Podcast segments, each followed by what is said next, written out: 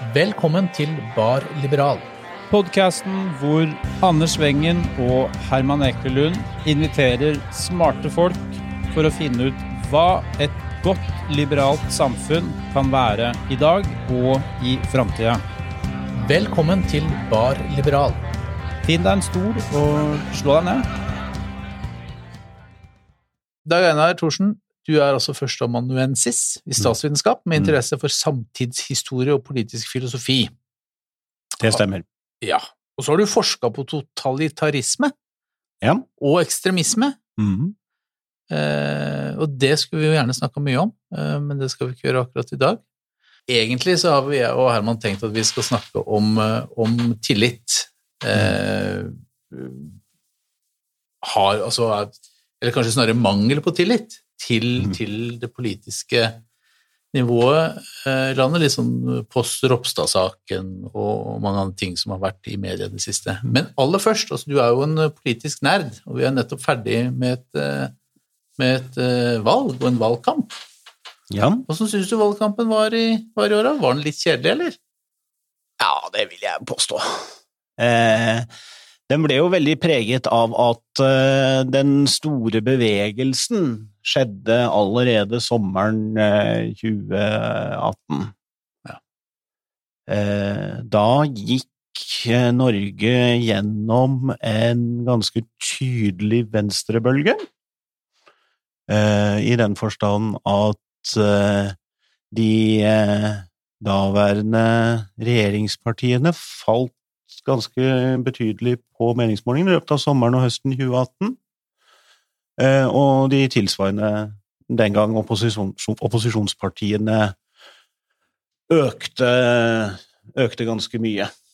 Og den situasjonen holdt seg jo mer eller mindre helt fram til valgdagen. Da var bevegelser internt mellom partiblokkene, men eh, valgresultatet i Eller hva skal vi si hovedoverskriften i valgresultatet, nemlig at det ble regjeringsskifte, eh, det var avgjort allerede to Mm. år i forveien. To-tre år i forveien. Ja. Og så var det liksom ikke noen sånn derre altså Vi fikk jo den derre klimarapporten selvfølgelig som kom i som kom i august under Arendalsuka, som liksom skapte en viss sånn engasjement, men det var jo ikke, altså det var jo ikke noe altså Klima var jo allerede viktig. Det var jo mange, allerede mange som snakka om klima, så jeg syns heller ikke at altså Det har ikke liksom vært noen sånne store saker som har man har mobilisert noe voldsomt, syns jeg. Med, det, altså, det har vært mer en sånn diskusjon hvem klarer sperregrensa, hvem klarer det ikke. Det har vært mer en sånn, sånn teknisk diskusjon, mer enn det har vært en sånn politisk innholdsdiskusjon.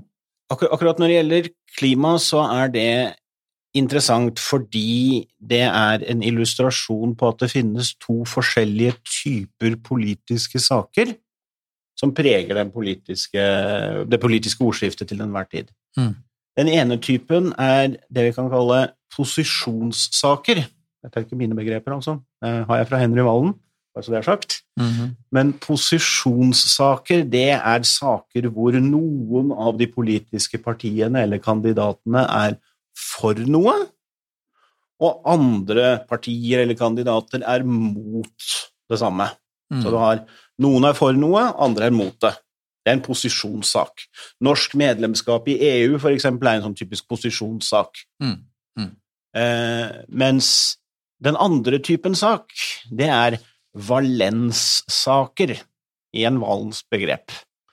Eh, og det er den type saker hvor man er stort sett enige om noe, men så kan man være uenige på detaljnivå om hvor mye, hvor viktig, eh, hvor mye penger vi skal bruke på det, hvor harde tiltak vi skal ha, hvordan tingene skal være organisert på detaljnivå, f.eks. Klassikeren i norsk sammenheng der er, eh, kan være f.eks. offentlig helsevesen. Det er en sånn typisk valenssak. Ingen relevante politiske aktører i Norge ønsker en privatisering av sykehusene, Mm. sånn som man har i USA og, og, og et par andre steder. Alle ønsker seg et offent, en offentlig spesialisthelsetjeneste. Mm. Så er da spørsmålet hvordan skal den være organisert, hvor mye penger skal man bruke på det, eh, skal det være innslag av eh, private tilbydere som er offentlig finansiert gjennom stykkprisordninger osv. Så, det er jo debatten på helsepolitikkens område. ikke sant? Hvor mye makt skal styrene i, i helseforetakene ha, osv.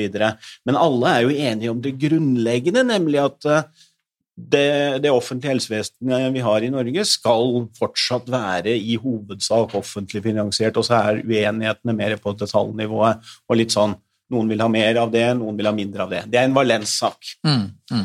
Klima kunne blitt en posisjonssak hvis mm. noen hadde vært mot klimatiltak. Mm.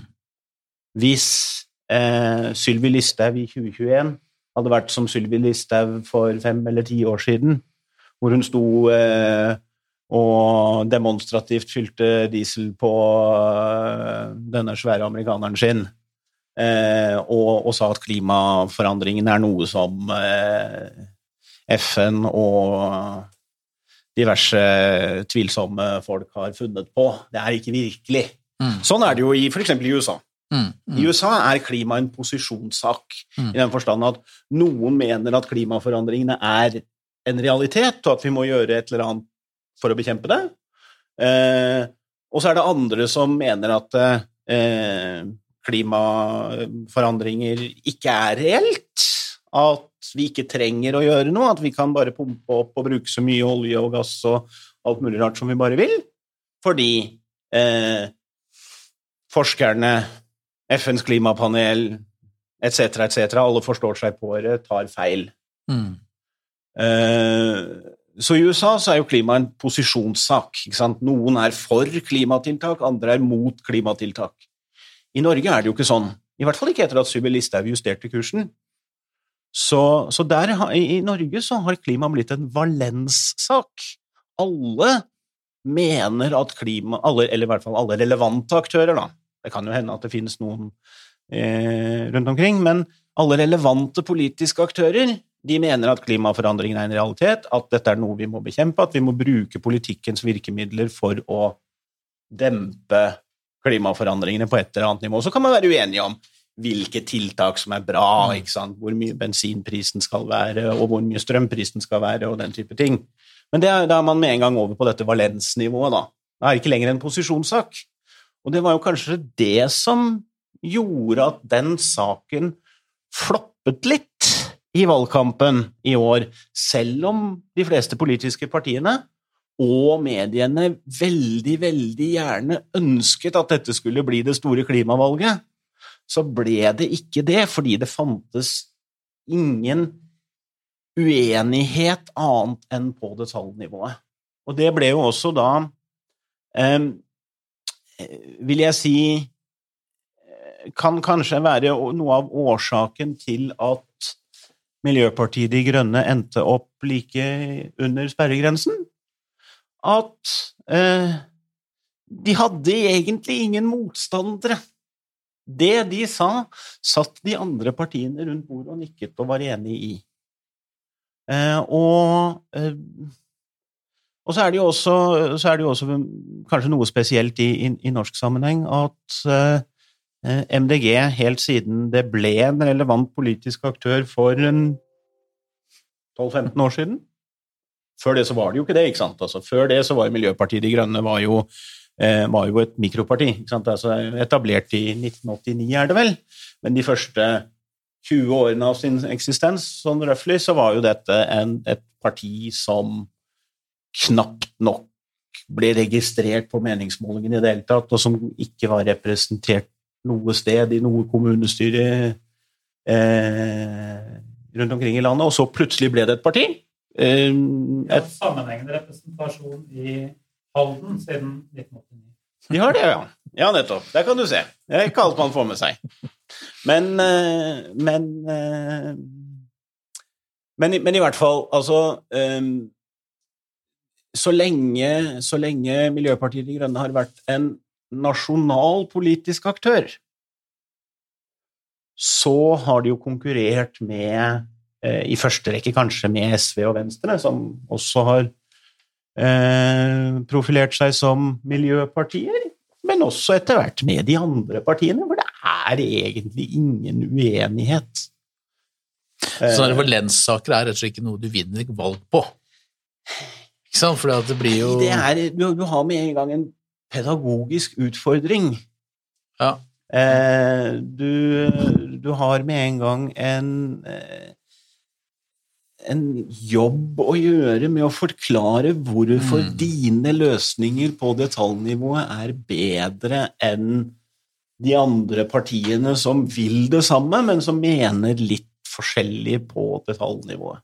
Ja, nei, for da er det liksom sånn eh, Kanskje det er derfor det ikke blir så stort Eller i hvert fall for meg, da, som jo er politisk aktiv også, og er engasjert, som sitter igjen etter en valgkamp og kjenner at det her har det liksom ikke vært Det har ikke vært de store mobiliserende sakene. Kanskje er det av det du sier, da, at det som har vært saken, har vært en sånn type valenssak, som man da ikke får mobilisert så mye for og imot. Det blir ikke så mye temperatur, det blir mer ja, på detaljnivå. Skal, når skal man stoppe å lete, når skal man stoppe å produsere olje? ikke sant? Det blir mer veldig detaljnivå. Al- al- alle er jo enige om at eh, Eller de fleste, i hvert fall. eh, Langt på vei alle Mm. er jo enige om at eh, petroleumsnæringen har passert middagshøyden.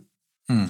Eh, men, eh, men så er man jo enig om eh, om de skal dyttes over klippen, eller om de skal holdes fast ved litt til. Mm. Eh, og, og det er saker som det er veldig vanskelig å skape engasjement omkring. Mm. Ja, det oljebrølet fikk jo 200 000, ja, kanskje ikke så mye, 160 000 følgere ganske fort. Da. Så det er jo et Jo, men 160 000 av hvor mange velger da? Nei, det kan du si. Altså, det er uh... Hvis du skal måle i Facebook-engasjement, så er det vel ikke noe andre saker Altså, he, norske helsetjenester er jo ikke en gruppe som har én million følgere. men, men la oss si det sånn at det er veldig lett å trykke liker på Facebook. Mm.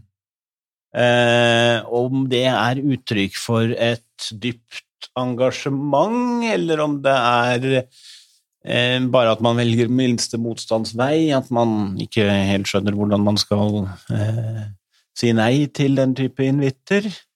Eh, det kan være en form for virtue signaling, altså at man på den måten signaliserer at man er en av de, de gode. Mm. Eh, så er det ikke gitt at alle som melder seg inn i en Facebook-gruppe, eh, kaster seg på toget og demonstrerer på, på Eidsvolls plass foran Stortinget heller. Ja, altså, jeg trykka jo også like på den, eh, rett og slett for jeg var litt spent på hva som skjedde inni der. Ja. Så var jeg med i noen dager, og så gikk jeg ut igjen. Men altså, det kan være mange grunner for at man kaster seg på en, på en sånn Facebook-trend, da. Altså, jeg, eh, jeg abonnerer jo på en god del sånne grupper, både i forskningsøyemed og for å følge med på hva som foregår innenfor det høyreradikale miljøet i Norge, for eksempel. Mm. Uh, uten at jeg er høyreradikal av den grunn. Mm. Eh, snarere tvert imot. Men, eh, men det er klart at man finner jo på på den type grupper så ser jeg jo mange journalistvenner, eksempel. Mm. Eh, Så, men det til side, det er klart det er et engasjement der ute. Det er mange som er fortvilte, det er mange som er miljøengasjerte. Det, det skal man jo heller ikke underslå. Men så lenge man ikke har en sånn tydelig definert motstander, så lenge det ikke det finnes organisasjoner Ja, det finnes klimaskeptikere der ute, ikke sant. Ja, det finnes folk i kommentarfeltene som, som sier stygge ting om, eh, om eh, miljøengasjerte mennesker. Men, eh, men man har ikke noen sånn tydelige motstandere. Sant, altså eh, Ja, jeg vet ikke hva, ikke sant, altså Når eh, Tidligere, ikke sant, så har man jo hatt, ikke sant, altså Arbeid, den gamle arbeiderbevegelsen hadde, ikke sant, de hadde kapitalen som sin motstander. Ikke sant? Kapitalens organisasjoner, Mm. Norges arbeidsgiverforening, Høyre osv. Man hadde noen definerte motstandere. Eh, bøndenes organisasjoner har jo hatt ikke sant? Altså, de har jo hatt eh, staten som motpart ikke sant? og ønsket seg eh, diverse ting, og EU osv. Man har hatt et eller annet sånn fiendebilde. Mm. Eh, miljøbevegelsen har vel ikke et sånt veldig tydelig fiendebilde. Og det tror jeg også skyldes at eh, miljøbevegelsen har tatt opp i seg folk med svært ulik samfunnsanalyse. Mm. At, Miljøengasjement kan man kombinere med å være høyreorientert i økonomiske spørsmål, være liberalist. Ikke, ikke nødvendigvis liberal, altså, Jeg snakker ikke om liberalere, sånn snille og gode venstrefolk sånn som dere, men, men, eh, men mer sånn, ikke sant, sånn de knallharde liberalerne. Liberalistene. Mm. Altså De økonomiske liberalistene. Eh, og det er fint mulig å være miljøengasjert og være virkelig sånn at alle markeder skal være frie, og staten skal gjøre minst mulig, og alle skatter skal bort og sånt noe. Mm. Samtidig så kan man være miljøengasjert og være venstreradikal og mene at det det er planlegging og mer stat og, og, og, og mindre marked som er løsningen. Så Det er ikke akkurat overrepresentert, da. Det, altså jeg jobber jo i en miljøorganisasjon til vanlig, og har jo vært gjennom uh, miljøbevegelsen flere steder, og det er jo ikke Jeg er ikke Når jeg sier at veien til det grønne skiftet går gjennom markedet, hvis jeg sier noe sånt, så Mm. er det ikke 100 mennesker som roper og sier ja, halleluja. Mm. Flertallet vil jo mene at det er en avsporing. Det er staten som må ta ansvaret for å gjøre disse endringene, og for å få Mm. til det så må folk gjøre personlige ofre, eh, redusert levestandard osv. Så, videre.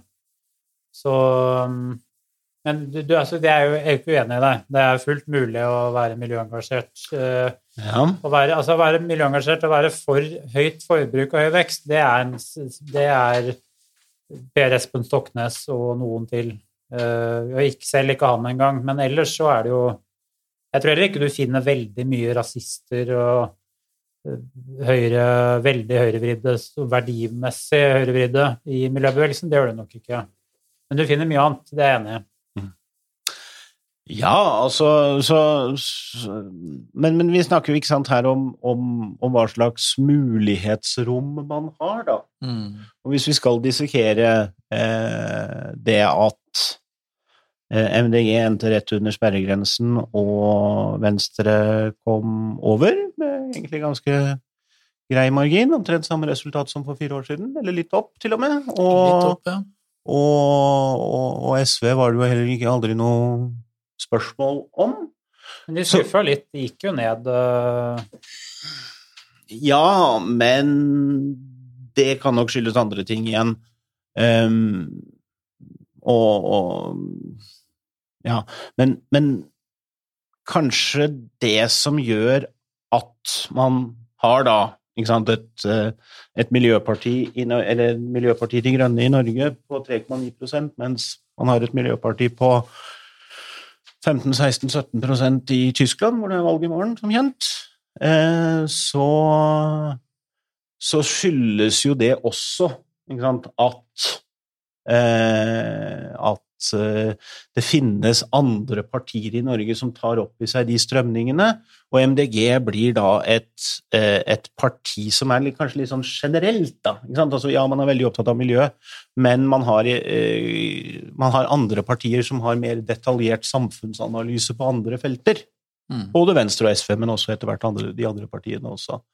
Eh, Så når miljøengasjerte blir skuffa fordi MDG kom under sperregrensa, SV gikk ned to prosentpoeng, Ja. Venstre ikke ble enda større, så er det ikke nødvendigvis riktig. Altså, det kan være like mye det at miljøet kom så høyt på dagsordenen i en del debatter at Arbeiderpartiet og Høyre begynte å ta opp i seg disse Ja.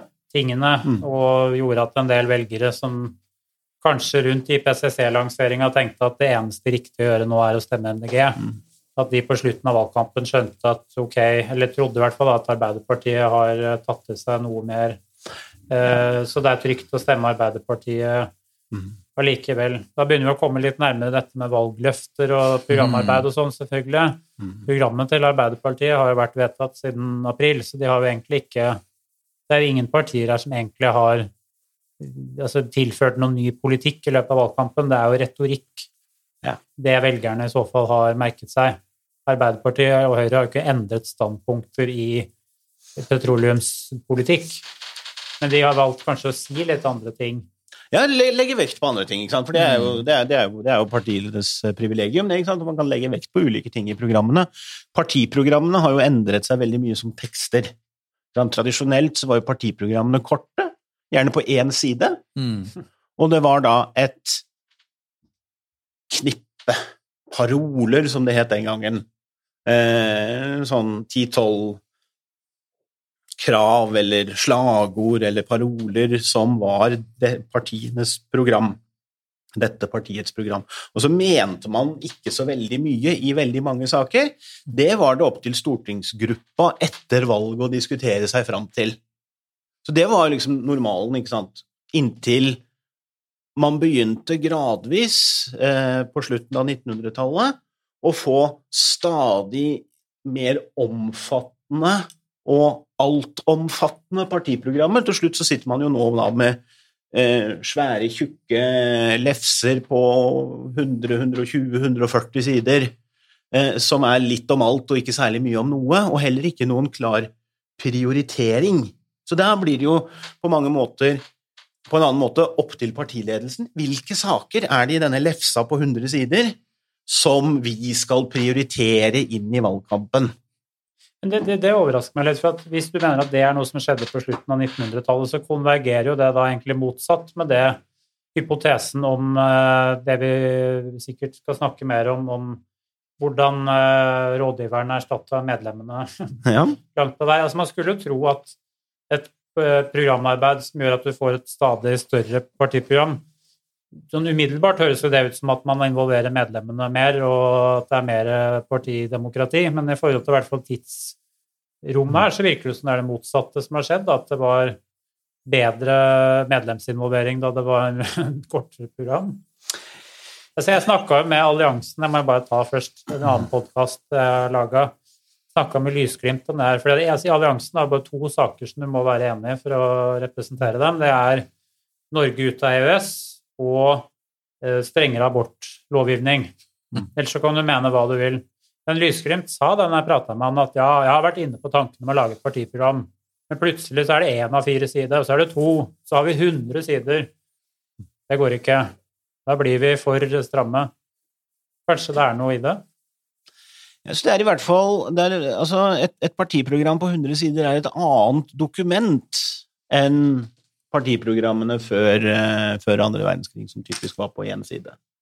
Mm. Eh, den gangen ikke sant, så var jo da hele partiprogrammet var jo i seg selv en, en, en løpeseddel som man, som man delte ut i valget, og, og det var noe som partimedlemmene kunne utenat, og som man var virkelig forplikta på, og det var veldig sjelden at det som kom med i partiprogrammene, var gjenstand for uenighet innad i partiene.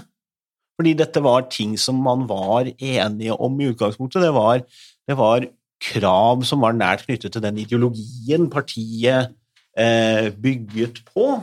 Mm. Eh, Så det er prinsipprogrammene, egentlig. Da. For partiene har jo stort sett ett prinsipprogram som vedtas hvert Ja. tiende år, eller noe sånt, og så Mm. et arbeidsprogram.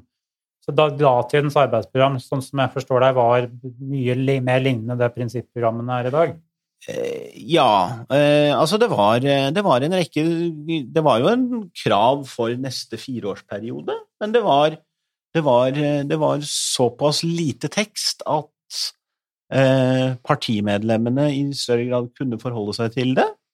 Og det var, det var også da også selvfølgelig et skille mellom, eh, mellom de sakene som man var programforpliktet til å støtte, i den grad man representerte sitt parti eh, i, i, i folkevalgte verv, så var man programforpliktet. Men det var jo de fleste saker som ble behandlet på Stortinget eller i kommunestyrene eh, i første halvdel av 1900-tallet, det var jo saker som man ikke hadde noen programformulering på. Og så gradvis og det, det, det, Fordi dette her er nok en mye mer gradvis vekst i, vekst i antall sider og antall ord i, i, partiprogrammene. Den veksten skjedde mer gradvis, og den skjedde da i takt med at eh, ulike pressgrupper internt i partiene, ulike eh, aktører som hadde en eller annen hjertesak, eh, langsomt og på hver sin front jobbet med å med, med, å få dette inn i programmet, få det inn i de høyeste vedtakene som det politiske partiet deres gjorde i løpet av en fireårsperiode, sånn at hele partiet var forpliktet på det. Og sånn vokste og vokste partiprogrammene gradvis, men da ble de samtidig andre typer dokumenter. Leser du et partiprogram i dag, eh, så blir du ikke nødvendigvis så klok på hva det partiet står for, fordi det er en sånn, utviklet seg en forventning om at partiprogrammene skal inneholde eh, løsninger, eh, diskusjoner av alle slags tenkelige og utenkelige eh, politikkområder. Så er det også noe med Altså, jeg eh, syns jo det er noe litt sånn grunnleggende problematisk med veldig detaljerte programmer, eh, særlig i lokalpolitikken, fordi at eh, det gjør at du ikke er i stand til å ta opp eller ta inn over deg endringer som skjer i løpet av perioden. Mm -hmm. Hvis du, hvis du, går inn og er veldig detaljert på vi skal prioritere den og den veistrekning, eller vi skal gjøre sånn og sånn økonomisk, eller vi skal, vi skal, bruke penger på det og det, vi skal bygge A, B, C og D, og så lover du det, som jo et program på mange måter er, det er jo et løfte, mm. dette er det vi skal jobbe for, så, du, så, du, så finner du deg sjøl to år ute i valgperioden, så ser du at forutsetningene her har endra seg, de økonomiske forutsetningene har endra seg, prioriteringene har gått i en annen retning, Allikevel likevel så sitter du der og på en måte er lost av et program. Mm. Sånn at jeg syns det altså, Personlig så er jeg nok mye mer tilhenger av, av gamle dagers én side med noen, noen hovedprioriteringer, noen hovedsignaler, ikke gå så veldig detaljert inn i materien. Men dere, vi må gå videre til det som egentlig er tematikken i dag, Dag Einar. Vi var jo litt inne på det nå, egentlig. Ja, ja vi har vært litt, litt inne på det. For, altså, medlemsinvolvering. Ja, medlemsinvolvering og dette, for det, men Altså, vi, vi, vi, kan være enige om at valget kanskje ikke har vært det mest spennende. Vi har, vi har ikke hatt liksom disse store posisjonssakene. Det har ikke vært noe som liksom har mobilisert så veldig. Men, men så på slutten av, eh, av, valgkampen så kommer det jo noe som jo engasjerer veldig. Mm. Og det er jo når vi plutselig får denne her eh, Ropstad har på gutterommet, og så viser det seg at eh, den ene stortingspolitikeren etter den andre har, eh, har måtte, i hvert fall ser det ut fra, fra vår side, utnytta et system, kanskje med hjelp av Stortingets sekretariat.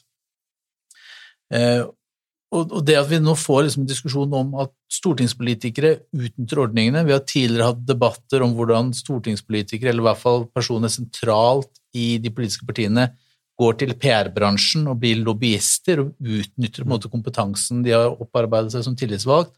Og så noen ganger går de til og med tilbake til politiske roller igjen etterpå, så du får en sånn svingdør mellom PR-bransjen og det politiske.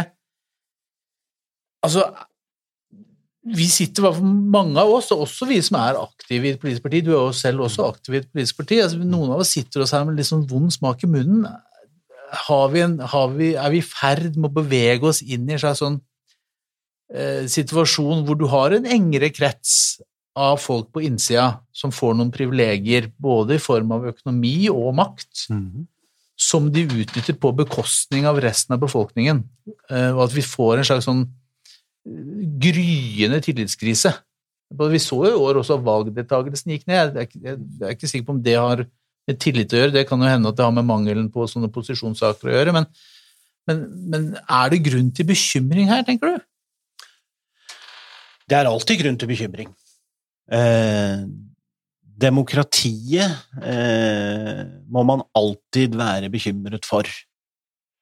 Eh, og en av de tingene som er gift for demokratiet, det er mistillit. Bortfall av tillit, kanskje spesielt. Eh, Norge har jo vært et land preget av ganske høy tillit. Eh, både det som eh, noen ganger kalles generalisert tillit, altså at man mener at folk flest er til å stole på.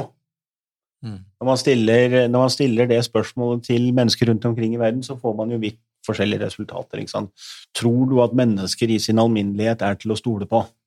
En ting er at man stiller spørsmål om, om sånn konkrete personer i folks liv. Altså, tror du at eh, politiet i, eh, på stedet der du bor, er til å stole på? Tror du at naboene dine er til å stole på? Og så videre, og så videre? Altså, da har man en sånn spesifikk form for tillit. Men så stiller man også spørsmål om generalisert tillit. Eh, og det er da sant, Tror du at de fleste mennesker er til å stole på? Eh, og, og, så stiller man jo også spørsmål om politikerne er til å stole på, eller statens representanter. er til å stole på. Og det vi ser i Norge og Skandinavia, er jo gjennomgående vært høy grad av tillit. Mange flere i, i, i Norge og Skandinavia gir uttrykk for at de har tillit til andre mennesker, og politikere for den saks skyld, enn i, enn i andre land, f.eks. i det sørlige Europa, hvor, hvor, hvor, det tradisjonelt har vært ganske eh, lite kjærlighet mellom befolkningen og politikerne. Og hvor det også har vært mange flere skandaler, eh, og, og, hvor, eh, eh og, og, hvor det har vært eh, tendenser mye lengre tid i retning av at politikerne lever litt avsondret fra eh, resten av, av, samfunnet. I Italia så snakker man f.eks. om Il Palazzo, mm. palasset, som er liksom en sånn derre vagt definert størrelse. I noen deler av, eh, av, Italia så er nærmest hele Roma, hele byen, er jo en del av Il Palazzo, og så går man litt nærmere innpå, så kan det liksom være politikerne, det kan være eh, mediene, det kan være eh, hva som helst. Men, men, uansett så er jo da det italienske samfunnet Hvis man sammenligner Norge og Italia, da, så det, har det tradisjonelt vært mye mindre tillit i det italienske samfunnet enn i det norske. Og, og, det, og det, har vært en, nærmest en sånn aksept for en tilkarringskultur mm. eh, i Italia. Eh, antropologene har til og med kalt det for amoralsk familiarisme. Eh, at, at eh, systemet er lagt opp slik at man skal eh, karrer til seg. Alle skal karre til seg. Den som ikke karrer til seg, gjør noe dumt. Og, og, og et sånt system gjør jo ikke at tilliten mellom mennesker og mellom befolkning og politikere kan bygge seg opp over tid. Unntaket her er jo da eh, kommunistpartiet, det gamle kommunistpartiet som styrte Emilia Romagna i det nordlige, sentrale Italia i mange tiår etter andre verdenskrig, og som bygde opp en helt annen politisk kultur, eh, i særlig Bologna, som var liksom deres kjerneområde, gamle industribyen. Eh, også kjent for noe annet enn eh, en, eh, kjøttsaus over spagetti nå. Det er jo også kjent for å være styrt av kommunister i mange tiår. Eh, men, men bygd, der var det, en, var det en annen politisk kultur, fordi kommunistpartiet var en mye sterkere organisasjon enn de andre enn de andre politiske partiene. Og, og resultatet ble jo at eh, kommunistregjeringene i Emilia Romagna ble jo, eh, ble jo etter hvert næringslivets kjæledegge, ikke sant, fordi at eh, korrupsjon kan være litt morsomt og spennende de første 14 dagene, men etter hvert så blir det ganske gammelt. Så det å komme til et miljø med mindre korrupsjon, det var, det var en magnet på næringslivet. Mm. Eh, og, så sånn sett så ble det jo at en kommuniststyrt region i Italia ble, ble, ble et sted hvor, hvor, Ikke et sted hvor næringslivet rømte fra, men et sted hvor næringslivet rømte til. Eh, og, men i Norge, da. Norge, høy tillit generelt, det tar veldig lang tid å bygge opp den type tillit som vi har sett i Norge, og så tar det veldig kort tid å rive det ned igjen. og Derfor er jo sånne ting som denne skandalen, som vi må kunne si det er, eh, med Ropstad, og etter hvert flere andre Ja, viser, etter hvert så er det vel alle partier ja, det, som er involvert her? Det er noe systemisk. Ja. Altså, det, det virker som om eh, som om alle, alle etter hvert har utnyttet systemet og systemet har latt seg utnytte. Mm. Og Det har jo til og med gått så langt at dette boligkontoret på Stortinget nærmest har oppfordret nye stortingsrepresentanter, og for så vidt også gamle, eh, til å jukse. Mm. Og, og, og, det er jo ganske, det er jo ganske grovt. Eh, og, og, sånne ting som dette her er jo egnet til å svekke tilliten mellom de som styrer og de som blir mm. styrt. Dette er gift for et livskraftig demokrati. Hvis det viser seg at politikerne ikke er ute etter eh, befolkningens ve og vel, men at de er ute etter å karre til seg mm. eh, og smøre sine egne lommer, eh, da, da er veien veldig kort til politikerforakt og til mistillit mellom de som styrer og de som blir styrt. Og plutselig har du da sånn som i Italia, hvor du har en voldsom oppslutning nå om ytre høyre, om eh, eh, femstjernesbevegelsen, som er kanskje litt vanskelig å plassere i det politiske landskapet, men som en periode var eh, Italias største parti. Eh, Beppe Grillo, eh, grunnleggeren av, av femstjernersbevegelsen, han, han, startet jo sin politiske karriere lenge før han grunnla partiet sitt, med svære demonstrasjoner hvor eh, slagordet for demonstrasjonen var 'Hva fankolo', som betyr 'dratt til helvete', eller noe sånt. Er det hva fanken kommer fra, eller er det Nei, altså, altså, det er sånn røftlig oversatt 'fuck you', da. Ja, ja. Eh, og, og eh, Ikke sant, altså Mot alle slags politikere mm. og mm. myndighetspersoner. Mm. Eh, og Italia er jo på mange måter et ødelagt demokrati fordi det er mistillit. Og Gutteromgate i Norge er jo en mild vårbris i forhold til Tangentopoli i Italia på 90-tallet, mm. hvor det viste seg at eh, halve nasjonalforsamlingen var med i en frimurlosje som var en underavdeling av mafiaen. En relevant, altså en nærliggende hypotese er jo at altså, konsekvensen av at noe sånt får spre seg, er vel en demobilisering. Altså at valgdeltakelsen vil jeg tro etter hvert vil begynne å gå drastisk nedover. Mm. Hvis folk ikke har tillit til systemet lenger, så oppleves det mindre viktig å delta i det og, og beskytte det. Ja, enten det, eller at de begynner å stemme på fløypartiene, da. Ja, ja, Protesten, altså, liksom. Ja, ja, altså hvis du, da, hvis du får veldig enkle løsninger med folk som kommer og sier at nå skal jeg drain the swamp og fikse og mm. Så kan jo det skape oppslutning. Jeg tenker på, altså Det er gjort en del forskning på det. Jeg leste jo, som jeg sa på veien inn akkurat nå, nye boka til Øyvind Strømmen, mm. som uh, skriver en del om hva altså plantingen av konspirasjonsteorier fører til uh, inn i akkurat det her. For du har gjort bl.a. et eksperiment som er morsomt, hvor, uh, hvor noen forskere hadde intervjuet kinogjengere på vei inn for å se filmen JFK av Oliver Stone som er film om en sånn absurd rettssak eh, som en konspirasjonsadvokat satte i gang for å prøve å gi et par stykker skylda for attentatet på JFK, og som er en sammensurium av Illuminati og alle konspirasjonene inn. Men så, så testa de da publikum på vei inn og ut etter å ha sett denne filmen her, som er altså, utrolig veldig engasjerende og underholdende Eh, film hvor det er veldig lett å begynne å tro på at det som blir sagt, er sant. Litt som hvis du ser, eh, leser Dan Brown f.eks. og andre ting. Bortsett fra at her var det ikke noe sånn disclaimer om at det her er ikke sant.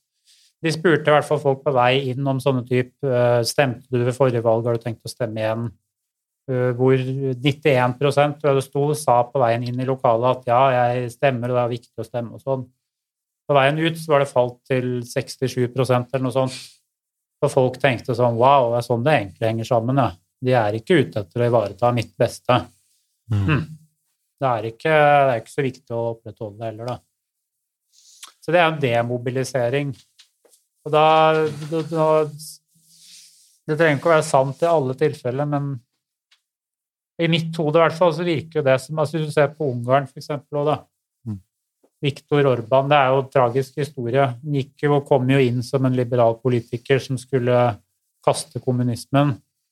Og så har han laget det han selv kaller et illiberalt demokrati. Det er jo sitat. Eh, som er bygd på det at han og Fidesz skal redde den ungarske befolkningen fra alle disse elitene, George Soros og alle de andre som er ute etter å, å ødelegge eh, for folket hvor demokratiet da oppleves som en vits. Er dette her bare enkelttilfeller? Altså det blir ledende spørsmål, da, men er det her sånn det vil ende opp uansett i et system hvor vi får disse skandalene her, eller kan det gå andre veier? skandalene i seg selv trenger ikke nødvendigvis være det avgjørende her, men det må komme sammen med en del andre ting. For eksempel økonomiske kriser. Eh, det må komme sammen med kanskje økende ulikhet, opplevelse av urettferdighet, at systemet er rigga at det spiller ingen rolle hva jeg gjør, for det er noen andre som styrer. Det ser vi jo f.eks. I, i, i en del land som har vært plaget med lav valgdeltakelse over lang tid, f.eks. i USA, så, er det, så, snakker man gjerne om disenfranchisement. Mm.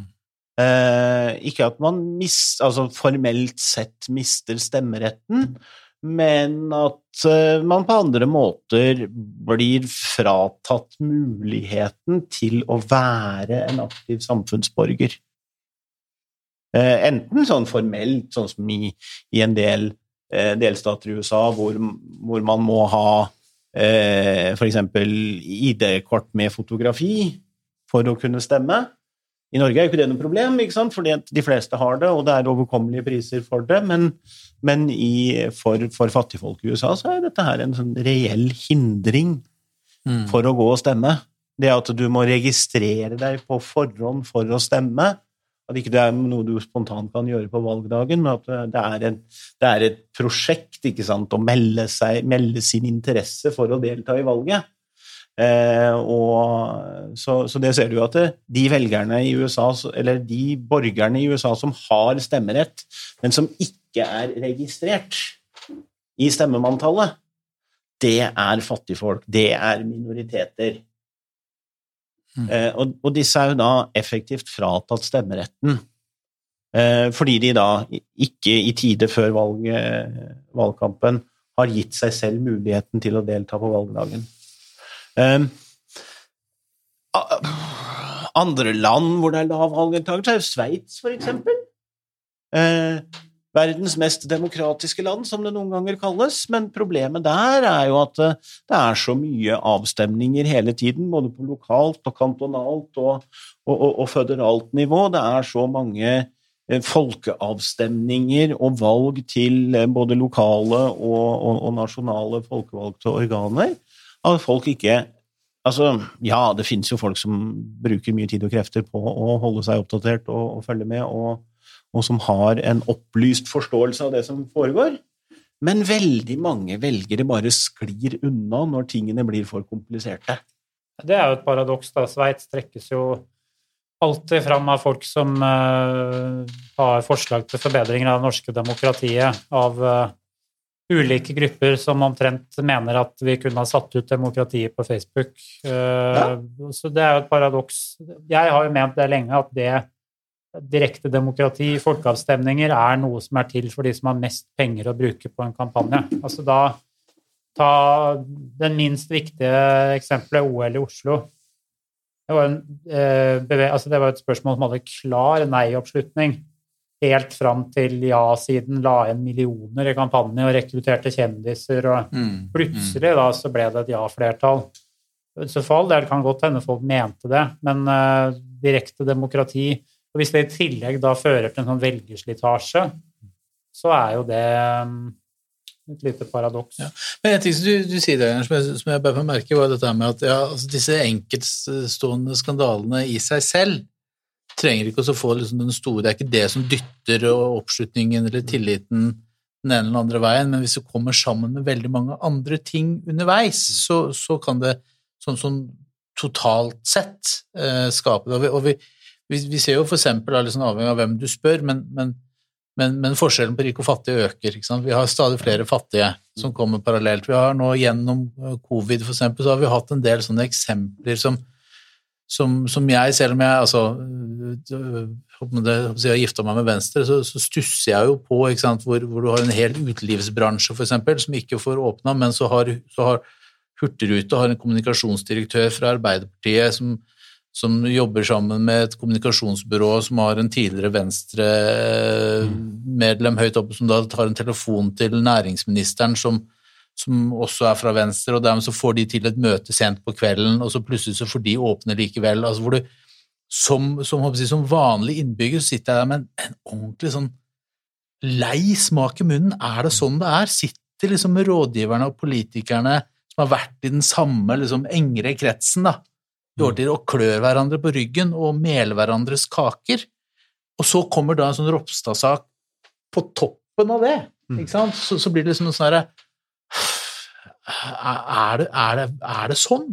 Er det sånn det er? Skal jeg greie å få til noe, så er, jeg, så er jeg liksom nødt til å komme på innsida med den herre gjengen med, som jo i stor grad er gift med journalister i riksmedia, ikke sant? Altså, sånn som satt på spissen. Altså, det, det oppleves som vi har fått en sånn beslutningselite En politisk boble. en politisk boble eh, Og der tenker jeg at det er to ting. Da.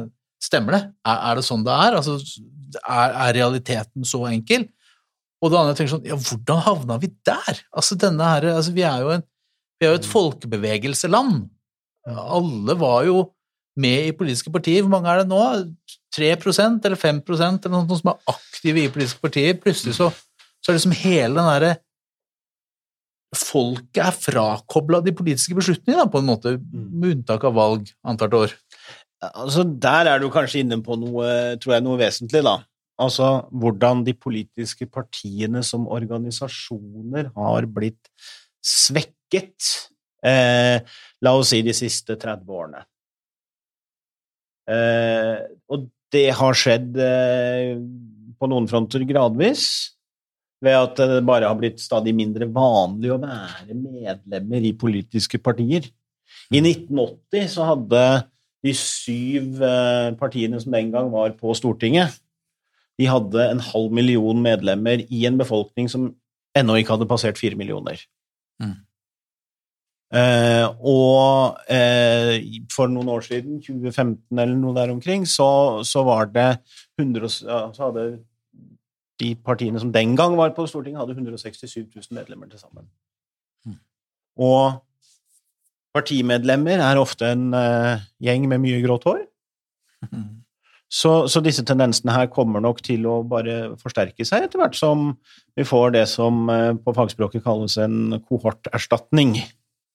Altså at eh, de, eldre, de eldste partimedlemmene blir forfremmet til herligheten, og, og, og de yngste blir færre.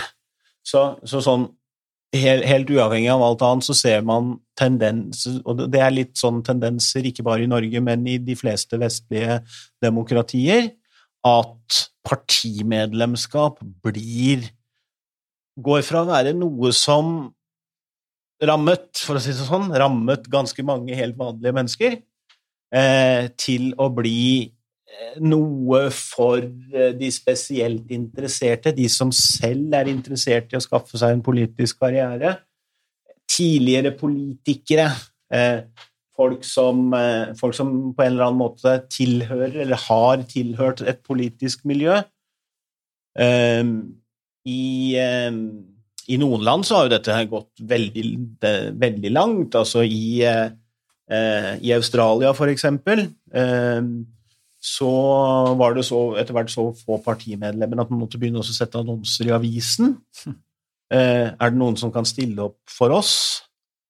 Eh, da Kevin Rudd overtok Australian Labour Party og ble deres kandidat før valget i 2007, så hadde det partiet, i et land med 25 millioner mennesker, eh, mindre enn 40 000 medlemmer. Oi, Det er litt, ja.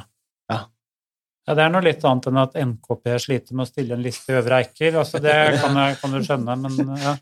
Eh, Så, eh, så ikke sant, når, når du kommer så langt at de store partiene begynner å slite eh, Når man liksom må ansette folk til å være i gåseøyne frivillige i valgkampen, Mm.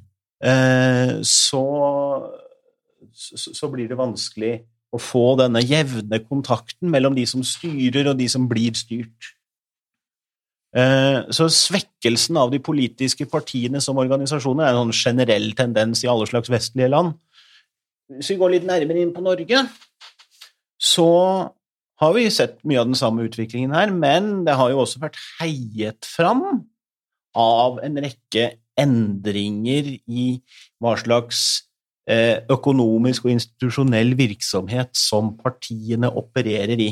Alle land har jo regler ikke sant, for hvilke, hva slags organisasjoner som kan kalle seg politiske partier, hvilke krav som stilles til eh, et parti for å stille liste i enten i nasjonale eller i lokale valg osv. Alle land har jo den type regler, og det former jo eh, former jo de politiske partiene. Er det, er det, lett å starte et nytt parti, eller er det vanskelig å starte et nytt parti? Det har jo konsekvenser for Hvis du står der da som politisk engasjert, skal jeg ta meg bryet med å starte et nytt parti, eller skal jeg gå inn i et av de partiene som allerede eksisterer, og prøve å få dem til å tenke litt mer som meg? Mm.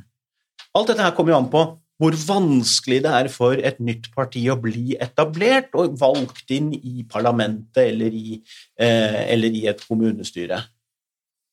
Så, så, så, den som står der sant, og, og, skal, og, og, liksom er politisk engasjert og skal velge om du skal gjøre alvor av det, eh, da vil jo den type valg avhenge av det. Hvor, hvor, er, hvor er, min sjanse størst for å få innflytelse? Hvor er min, hvilke muligheter har jeg for å påvirke samfunnsutviklingen hvis jeg melder meg inn i parti A eller parti B? Disse tingene her, enten bevisst eller ubevisst, så former jo det folks oppfatninger om disse tingene her, ikke sant?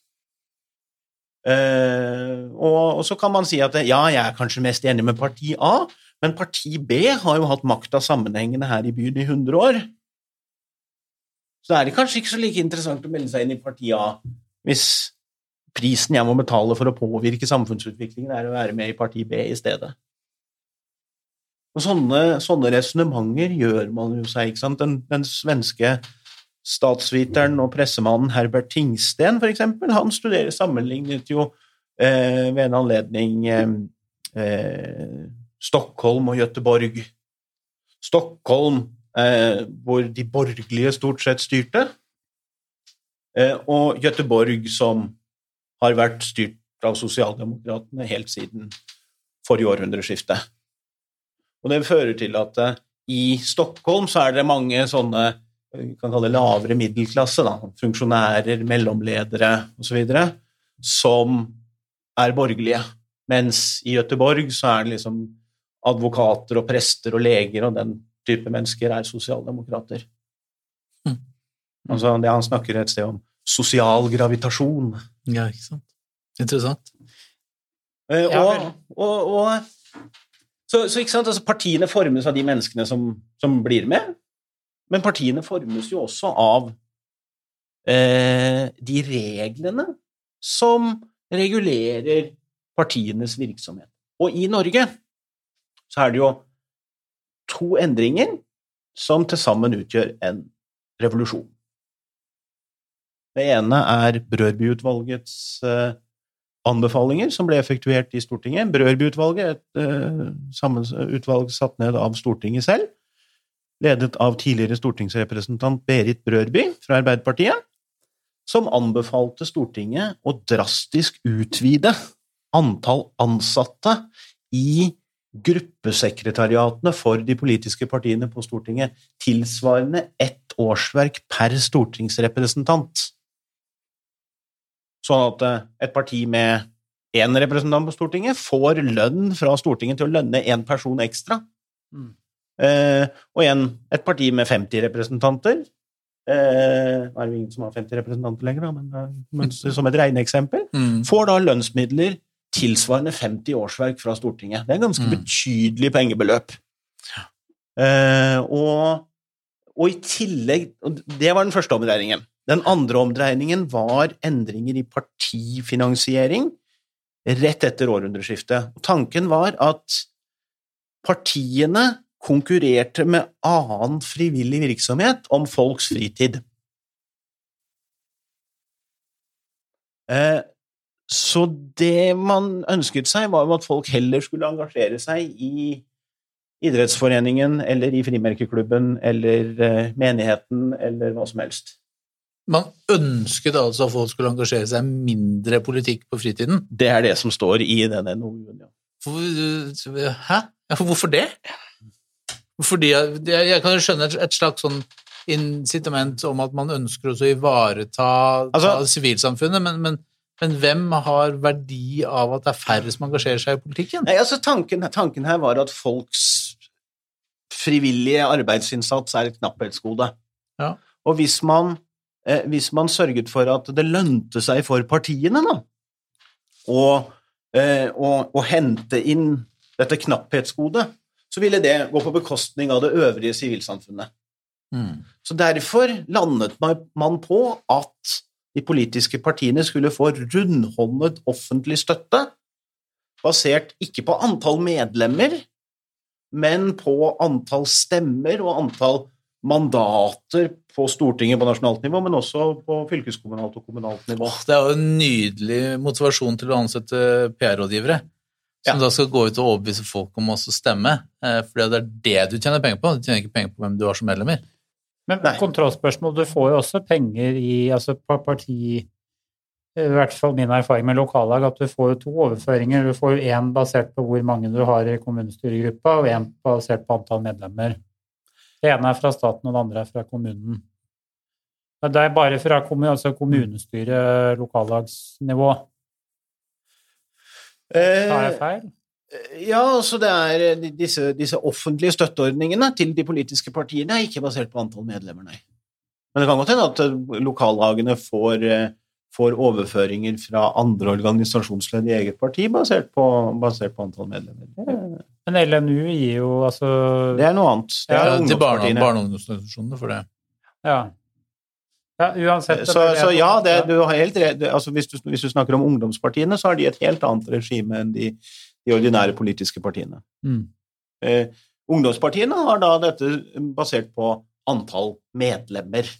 Og da får du jo andre perverse insentiver igjen, ikke sant, altså hvor du står og deler ut sjokolade i, eh, utenfor kantina på en videregående skole og sånt, og man må skrive under på at du er mot lekser, var det ikke det det var? Ja, jo. Eh, og, og så visste ikke folk at de meldte seg inn, det var vel i AUF. Eh, AUF en gang, ikke sant? Og så, og så er det sånn at du får, kan melde deg inn, og så er det gratis, eller det koster bare lite grann det første året. Sånn 10 kroner eller 20 kroner det første året, osv. Så, videre. så, så ikke sant? Altså, den ordningen som LNU har overfor ungdomsorganisasjonene, også ungdomspartiene, den har jo sine Mm. negative sider, ikke sant? Altså, du får oppblåste medlemstall. Eh, Lysglimt tok jo det her til et nytt nivå i valgkampen nå.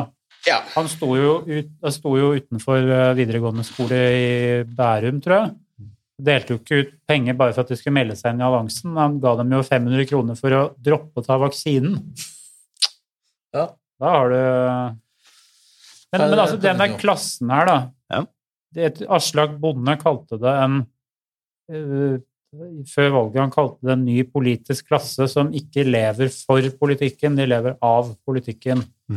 Og casen var han høyrerådgiveren Høyre-rådgiveren som både ble tatt i å finansiere Nei, å orkestrere denne Molde-gate med han eh, Molde-ordføreren som var Mm. ute og trasha Oslo. Men også som hadde, ble tatt for å sende ut denne eh, meldingen på WhatsApp eller SMS til andre deler av rådgiverkorpset på Stortinget da Oslo var i lockdown, om at eh, la oss ta båten til Nesodden, for der er det ikke drikkeforbud. Som altså da Det framstår jo utrolig urettferdig for folk som leser der. Ja. Og da, da kommer jo inn med det Børby-utvalget, hvor folk eh, liksom leser at eh, hvorfor eh, anbefaler det. Altså det folk hører i hodet sitt da, må, altså det vil jeg jo tro er at ja, motivasjonen her er at vi skal raske til oss mer penger Mm. Og slippe disse plagsomme medlemmene og uh, heller gi oss rom til å ansette ja-mennesker som eh, Og så er det jo andre bevegelser som skjer parallelt med dette her, ikke sant? at politikerne skyver beslutninger fra seg. For Mm. på utlendingsfeltet, hvor det nå ikke lenger er politikerne som må stå til ansvar for, for eh, innvandringspolitikken, men det er liksom disse ansiktsløse byråkratiene i UDI og UNE som er motparter. Og det skjønner jeg veldig godt, politikere, at de ikke ønsker dette her, ikke sant. Altså, på 90-tallet så var jo det datidens ordning spiste jo justisministre, i hvert fall deres mentale helse, Mm. når de må, hver eneste kveld måtte stå på Dagsrevyen og TV 2-nyhetene og forsvare avgjørelser i enkeltsaker. Mm. Eh, så, så altså, da, da har man jo skjøvet vekk saker som ofte skaper veldig mye lokalt engasjement i de der lokalsamfunnene hvor du har folk i kirkeasyl, eller hvor det er familier som har bodd der i 20 år, som blir kasta ut for noen de sa for 30 år siden. Mm. Eh, for Norge har jo en ekstremt streng politikk på noen områder, ikke sant. Mm. Vi kaster ut barnebarna til, til, til besteforeldre som jugde på asylsøknaden sin for 30 år siden. Mm.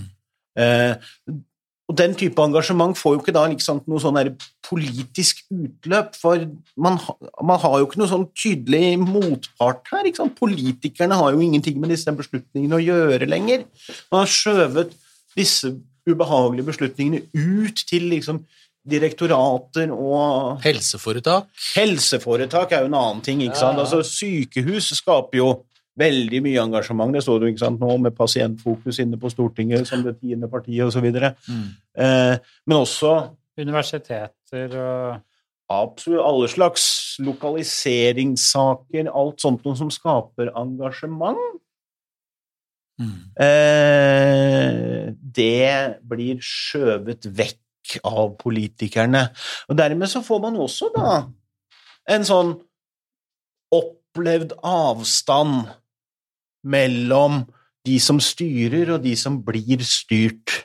Mm. Ja, så tar det eksempelet da, ikke sant, med, eh, med Nesna.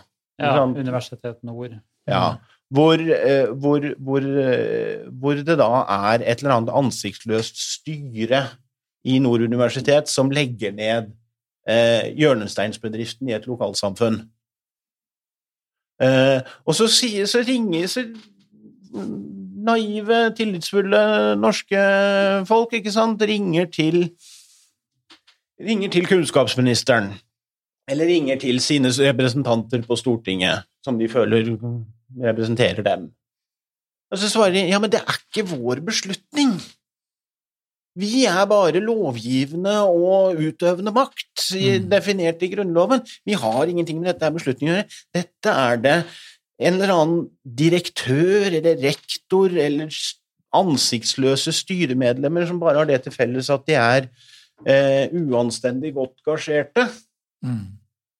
Det Eh. syns jeg er helt patetisk, altså, for å si det rett ut. Altså, det var vår egen regjering. Men altså, det, det greiene der om at dette her kan ikke vi gå inn i, vi kan ikke begynne å detaljstyre ting vi har satt ut et annet sted. Altså, det syns jeg er patetisk, rett og slett. Og når det gjelder eh, venstresidas kritikk av det her, så er det ikke nødvendigvis altså den ideologiske biten nødvendigvis jeg støtter opp av, men jeg støtter den systemkritikken i de som sier at vi må se på det her bare fordi det er for gærent at vi har kommet til et sted hvor vi driver og så altså, Som du akkurat sa, da, argumentere vekk noe med at ja, men det er bare er sånn. Vi kan ikke gjøre noe med det. Helseforetakene, ja, men sånn er utviklingen. Vi kan ikke stanse utviklingen. Eh, New Public Management, som eh, mange kaller det. Det, vi kan, det er umoderne å reversere det. Det samme blir det med pandemihåndteringen, kan du si. Jo den vært altså Den er jo offisielt politisk styrt. Mm. Men jeg syns jo helt oppriktig at det er demokratisk veldig problematisk hvor mye som ble satt ut til ikke-folkevalgte fagfolk. Altså er, de har gjort en kjempejobb, de aller fleste av dem, så det er ikke noe kritikk sånn sett. Men jeg bare tenker selv på hvor mye vi her i Drammen har vært satt på sidelinja i praksis som folkevalgte, kontra smittevernråd, som for det første er smalt sammensatt kompetansemessig. Men for det andre er jo altså det er jo personer ingen har stemt på. Og så får vi kritikk for at hvorfor er dere ikke inne og styrer mer, hvorfor tar dere ikke kontroll? Og så sier de nei, men det bare er sånn. Vi kan ikke gjøre noe med det. Det er greit at du må endre smittevernloven osv., men det er den der ansvarsfraskrivelsen der som irriterer meg. Det var dagens dagens rant. Ja, for så, til, til viss grad enig, samtidig så mener jeg at fagpersoner er fagpersoner, og man skal jo ha tillit til fagpersoner, men det er noe med, med der hvor det her er helt åpenbart politisk, da, eller, eller i hvert fall Kanskje ikke åpenbart, men vi, vi, for eksempel så har vi hatt store, mange, jeg tror nesten alle kommuner og fylkeskommuner i dette landet har hatt diskusjoner med Statens vegvesen om eh, eksempel skal vi ha fotgjengerovergang, som vi har snakket om på Svelvikveien, ikke sant? Skal vi ha nedsatt fartsgrense et eller annet sted? Eh, så tar vi kontakt med, med, med vår egen samferdselsavdeling, så sier de nei, dette er det ikke vi som beslutter, dette er Statens vegvesen som beslutter. Så tar vi kontakt med Statens vegvesen, så sier Statens vegvesen at ja, nei, dette her er, det her er vi nødt til å følge håndboka. Vi har lagd en håndbok som, som, som definerer hva, hvordan dette skal være. Så ja, da må vi endre den håndboka, da. Ja, da må, det må gjøres politisk. Og så snakker man om politisk, så sier politisk ja, nei, den er lagd av Statens vegvesen, så den kan ikke vi endre så har du fått en sånn sirkelargumentasjon. Statens vegvesen skylder på en håndbok som er vedtatt, men som er lagd av dem. Eh, som gjør at man ikke Så man, så man sitter og føler seg litt sånn her eh, som lokalpolitiker òg. Det har du sikkert noen erfaringer med sjøl som lokalpolitiker. Altså, altså, At man sitter der og er litt sånn her eh, bundet på hender og føtter, og det, og det er uklart for meg hvor går grensen? Hva er det som er politisk? Og hva er det som ikke er politisk? Ja, det blir en sånn pekelek da. Da vil jeg bare ta min andre kort, veldig korte rant i dag. Det bringer oss jo inn på det med rådgivere. Fordi jeg hører iblant noen politikere som står og holder et veldig engasjert innlegg i media om en sak hvor deres slogan er at uh, dette er fylket sin skyld. Altså kommunepolitikere sier altså, at dette er fylket sin skyld. Nå skal vi holde fylkesråden til ansvar og har fått det her skrevet ut av sin kommunikasjonsrådgiver, som tenker at dette her kommer folket til å juble til. At du klager på at ansvaret ligger på et annet forvaltningsnivå. Mens det folk hører, er staten som krangler med seg selv. Altså, det er jo klekkende likegyldig for, eh, for beboer på Svelvikveien at jeg står i media og klager på at fylket har skylda og så kanskje fylkespolitikeren er like engasjert etter råd fra sin kommunikasjonsrådgiver at her må vi legge skylda på Vegvesenet. Mm. Og så tror alle at de er like fortreffelige i sin argumentasjon. Mens folk der ute tenker 'herregud, hvem av dere har tenkt å ta ansvaret for å gjort noe med det?' Og det tenker jeg i min uh, naive uh, tilstand at uh, man kanskje hadde reflektert litt mer rundt hvis man ikke hadde vært omgitt av kommunikasjonsrådgivere som gir de samme rådene til alle sammen. Som ikke har noen form for noe sånn syretest eller empiri på at disse rådene her gir noe mer oppslutning eller gjennomslag eller troverdighet. Mm. Jeg vet ikke hvor de rådene kommer fra engang. Jeg har jobba som rådgiver selv. Vi sitter jo og selger den samme dritten rundt til alle sammen. Det er ikke noe annen begrunnelse i det enn at vi sier det, og så sitter de som tar imot rådene og tenker at ja, ja, siden jeg kjøper en faktura for 1500 kroner timen, så må jeg i hvert fall bruke det jeg kjøper, da. Men da er kommunikasjonsrådgivere. Mm. Nå er ikke jeg veldig Du er jo historiker på dette feltet, her, du kan dette, men, men altså, jeg ser ikke for meg at Gro og Kåre i debattene på 80-tallet satt og hadde hadde nedfilt argumentene sine sammen med et kobbel med kommunikasjonsrådgivere før de gikk i, i debatten. Men tar jeg feil? Er det, er, det sånn, er det, sånn, det alltid har vært, eller har det skjedd noe på det, på det feltet? Kanskje også som en forlengelse av disse rådgiverne som dukka opp, da? Ja, så Man hadde i hvert fall ikke den type profesjonelle rådgivere i partiapparatene, og knapt nok heller ikke i regjeringsapparatet. Eh, altså eh, Tidligere så var det jo ikke sant, det var statsråden som var politisk. Nå har man jo et helt kobbel av folk rundt seg. Statssekretærer, politiske rådgivere, og i tillegg da også eh, kommunikasjonsfolk i departementene som er formelt sett administrativt ansatte, mm. som er byråkrater og ikke politikere, eh, men som, som, ofte befinner seg i et sånn grenseland mellom politikk og administrasjon. Mm. Eh, og eh, så Altså, Den gangen så hadde man jo selvfølgelig Man trente, og man var forberedt, og man kunne sakene mm, sine, ja. osv. Men man gjorde det på en litt annen måte, og man hadde folk rundt seg som ofte var Hadde en mye sterkere tilknytning til partiet, da. gjerne politikerkolleger, tidligere politikere, andre ressurspersoner som man kunne trekke veksler på, Mm. eh, som, som, som, som hjalp og, og, og støtte til. Altså, veksten i antall sånne kommunikasjonsrådgivere og PR-folk og kall det hva du vil, eh, det har nå ført til at eh, ja, politikere har blitt likere hverandre, da, som du sier. Fordi at man har gjerne én løsning på ting. Har, og, og det perspektivet som kommunikasjonsrådgiverne kommer med, er jo gjerne preget av eh, holdningene til dem som søker seg til den type jobber. Eh, og, og, det er ikke så så jeg vil kanskje si at det er kanskje hvis du, hvis du sammenligner partilederdebatter for eksempel for eh, 40-50 år siden med partilederdebatter i dag, så er det jo ikke det at eh, um, folk gikk penere kledd den gangen, og, og, det så ut som at de skulle være på vei til en begravelse. Den store forskjellen er jo nettopp det at eh, folk nå snakker på en måte som er ganske lik, litt Mm. uavhengig av hva slags parti man tilhører. Fordi man er liksom veldig opptatt av å ikke støte fra seg noen. Ofte så er det det som kanskje ligger til grunn for kommunikasjonsrådgiveren, og du som har vært den, i motsetning til meg, får jo arrestere meg her, da, men altså at det veldig lett blir til taktiske resonnementer. Ja. Hva som blir, hva som, skal, hva som er populært.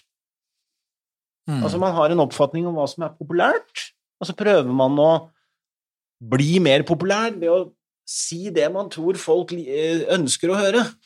ja, eller at man... det er jo teknisk praktisk. Altså den Ja. der fordømte greia med at når du går på lufta nå, så skal du gjenta disse tre poengene her så mange Mm. ganger du kun kan. Mm. Får du spørsmål om noe annet, så unngår du det, og så kommer du tilbake til de tre poengene dine. mm. Det er jo ikke en diskusjon, og det er jo ikke en samtale, det er knapt nok en debatt, det er jo bare en pitch. Det er jo som at man bruker mer tid til å uh, slippe å svare, eller finne måter å slippe å svare på de vanskelige tingene, enn å finne gode svar. En slags sånn retorisk lykkepille, på en måte, hvor på en måte konturene uh, slipes bort, og hvor, man, hvor, man, hvor målet er å skape uh, minst mulig motstand. Eller, min, for enhver pris unngå å skape friksjon. Ja, men ikke sant? Denne, denne kommunikasjonsrådgiverlogikken er veldig taktisk, da. I motsetning til strategisk. ikke sant? Altså, eh, man er veldig opptatt av det kortsiktige. Å vinne denne debatten, eller vinne dette valget. Eh, eh, eller, eller på andre måter så har man veldig sånn der kort, um, kort tidshorisont i det man driver med. Og så ender man jo da opp med altså Noe av det mest absurde er jo ikke sant, når man da ser på sånne debattprogrammer, ikke sant, Politisk kvarter eller eh, hva det nå heter alt sammen eh, Politikere som har fått da, skrevet ned på en lapp hva de skal si. Eh, og så gjentar de det en syv-åtte ganger, og eh, denne stakkars journalisten blir sittende der og stille spørsmålet på en litt annen måte og får aldri noe fornuftig svar, ikke sant? fordi den politikeren bare sitter og gjentar og gjentar det samme om igjen og om igjen. Mm. Sånne ting som det der, der kan kanskje føre til at man får formidlet sitt budskap, da. At folk husker den ene setningen som man øvde inn på forhånd. Men på litt lengre sikt så er jo det også noe som er med å skape politikerforakt. Men altså, hvem er det som gidder Altså, jeg kan ikke Altså, nå er det Vi snakka om det før sendinga, at jeg tror du, Anders, hadde ikke sett en eneste partilederdebatt i valgkampen. Jeg så fem minutter av én og slo av. Det var så kjedelig. Jeg kan ikke huske sist jeg hørte på Dagsnytt 18 eller Politisk kvarter. For det er jo den derre samme riggen hver eneste gang. Det er jo bare en krig. Mm. Det er drit uinteressant. Det er jo bare det, det er folk som har lina opp med hvert sitt sett ammunisjon. Dessverre så har de gått til samme våpenforhandler hele gjengen. Mm. De sitter jo bare, det er mitt inntrykk i hvert fall, sitter jo bare og nuller ut hverandre med de samme typene, eh, samme typene resonnementer. Det er jo altså De eneste gode samtaleformene er jo Nå skal ikke nødvendigvis den podkasten her få noe som stjerne ennå, men det er jo Du må jo ned på en timeslange samtaler nesten for å få ut uh, ordentlige resonnementer av politikere i dag. Altså prate dem varme så lenge at de klarer å vende av seg de der innøvde pitchene i hodet og faktisk begynne å svare på på spørsmålene. Det, jeg tror det er veldig farlig for den oppslutninga. Det, det er jo det du snakker om. Det, det, blir jo en sånn klasse til slutt som bare driver og prater til hverandre. Og Der kommer det andre elementet inn som jeg tenkte å, bare nevne der i tillegg til dette, denne rådgivervirusinfiseringen, så er det sosiale omgangskretser. Altså mm. mens eh, Nå skal ikke jeg drive og framelske noe sånn ekkokammer her, men før i tida så vil jeg tro at Arbeiderpartipolitikere omgikk seg mest med arbeiderbevegelsen og pleide i hvert fall eh, prioriterte pleie omgang med medlemmer i lokallaget sitt og i LO og whatnot. Og det samme i andre partier, men kanskje aller mest i Arbeiderpartiet, da. Mens i dag så føler jeg eh, at politikere i mye større grad omgir seg med andre politikere fra andre partier, og deres rådgivere og den klassen der vi drar på pub etter møter med de andre politikerne i andre partier som vi har stått og vært beinhardt uenige med i møtene, og så går vi ut og drikker med dem. Og det er jo veldig bra, det. Men hvor er medlemskontaktene? Og det er derfor jeg noe, altså, Ofte så beundrer jeg sterkt folk som har ganske noen enkle budskap i kommunestyret, men jeg tenker at faen så deilig å høre folk som tror så genuint på det du står for. Om det er arbeiderbevegelse eller om det er SV. Folk som Altså, jeg tenker at herregud, du, det her er så enkelt og plumpt argument, men i hvert fall så står du der. Jeg tror faktisk på at du mener det du sier, i stedet for en eller annen dott som går opp og gjentar tre ting som man tenker at dette her kommer til å høres populært ut. Jeg syns det er så mye mer mode. Jeg bare Ja. Mm. Ja. Dag Einar, du skrev en kronikk i 2017. Mm. og Der oppfordra du Støre til å gi rådgiverne mindre makt, partiorganisasjonen mer. Og Der skriver du en bra setning, syns jeg. Et bra avsnitt hvor du skriver sånn Politiske rådgivere i Norge er smalt rekruttert. De tenker likt og har sine oppskrifter på hvordan man bør gjøre ting den passer nødvendigvis det passer ikke nødvendigvis til den hverdagens partimedlemmer og tillitsvalgte lever i. Mm -hmm. Lytta han til deg, Støre? Har det blitt noe bedre? Er man Nei. Nei. Avstanden vokser? Altså skal... jeg, er jo fristet til å fortelle, fortelle, hvordan Arbeiderpartiet reagerte på den kronikken her da, fra en skarve lokallagsleder. Ja, vær så god. Jeg ble nemlig innkalt til sekretariatslederen for Arbeiderpartiet på Stortinget og hans usannsynlig lille kontor. Ja. Eh, og der ble jeg utsatt for mansplaining, hvis dere kjenner til det begrepet. Mm. Altså menn som skal forklare kvinner, vanligvis, ikke sant. Hvis ikke du har forstått hva jeg sier, så skal jeg bare gjenta det sakte og rolig en gang til. Mm. Og jeg har jo rett, selvfølgelig. Noe av det mest absurde jeg har vært med på, må jeg jo si. Eh, hvor, hvor jeg ble sittende og høre på en politisk rådgiver prøve å fortelle meg, som om jeg var fem år gammel, ikke at jeg hadde doktorgrad i statsvitenskap, hva en politisk rådgiver gjør, og hvorfor det er så viktig og avgjørende at vi har alle disse rådgiverne. Eh, og jeg må jo si det at eh, utviklingen siden den kronikken i 2017, som heter Rådgiverpartiet, er enkel å google, har jo egentlig bare akselerert i feil retning etter mitt skjønn. Mm. Ikke bare i Arbeiderpartiet, men i alle politiske partier. Profesjonaliseringen av politikken i Norge, utviklingen av en separat politisk klasse eller en politisk boble, har bare tiltatt i styrke. Og senest nå, vi snakket om valgdebatter i dag eh, Det nye det, var jo, det, var jo, det, er jo alltid innovasjoner i valgkamper, da, og den innovasjonen i år var jo disse nachspielene som gikk en sånn etter debatten TV 2 hadde jo da en åndsnærværelse nok til å legge det til, eh, til nyhetskanalen, da. Eh, og så sendte de noe sånn krim eller et eller annet sånt noe på hovedkanalen sin. Men NRK hadde jo sånne ting, ikke sant, også i hovedkanalen. Altså, hvor det var en sånn derre gruppe mennesker da, som enten både før og etter debatten skulle analysere. Og det var jo da journalister, PR-rådgivere, politiske rådgivere, andre politikere, sånn typisk som nestledere og, og, og, og, og så videre. Og deres diskusjon seg imellom i disse vorspielene og nachspielene til partilederdebattene bar jo veldig sterkt preg av eh, egentlig ganske lite konfliktnivå mellom representanter for ulike politiske partier, eller folk med ulike roller, enten, var, enten de var journalister og kommentatorer eller PR-folk eller ansatte av partiene. De snakket likt, de snakket det samme språket til hverandre, og det var egentlig en ganske sånn klar og tydelig idyll uten motsetninger og friksjoner. Mm. Og det er nok kanskje et tegn på at vi er i ferd med å få en politisk klasse i Norge.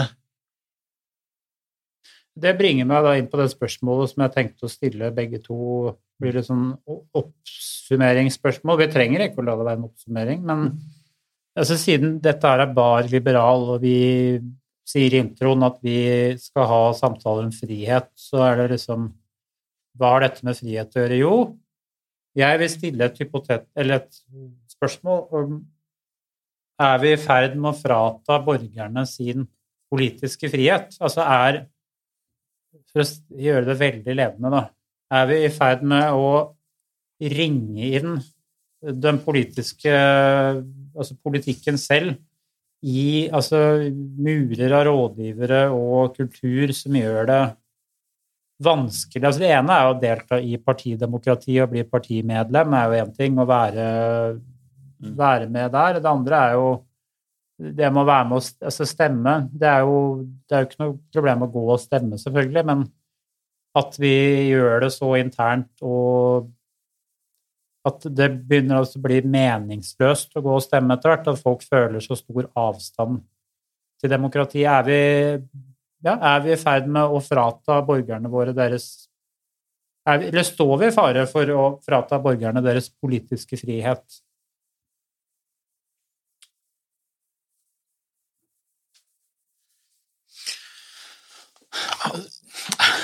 Ja eller nei?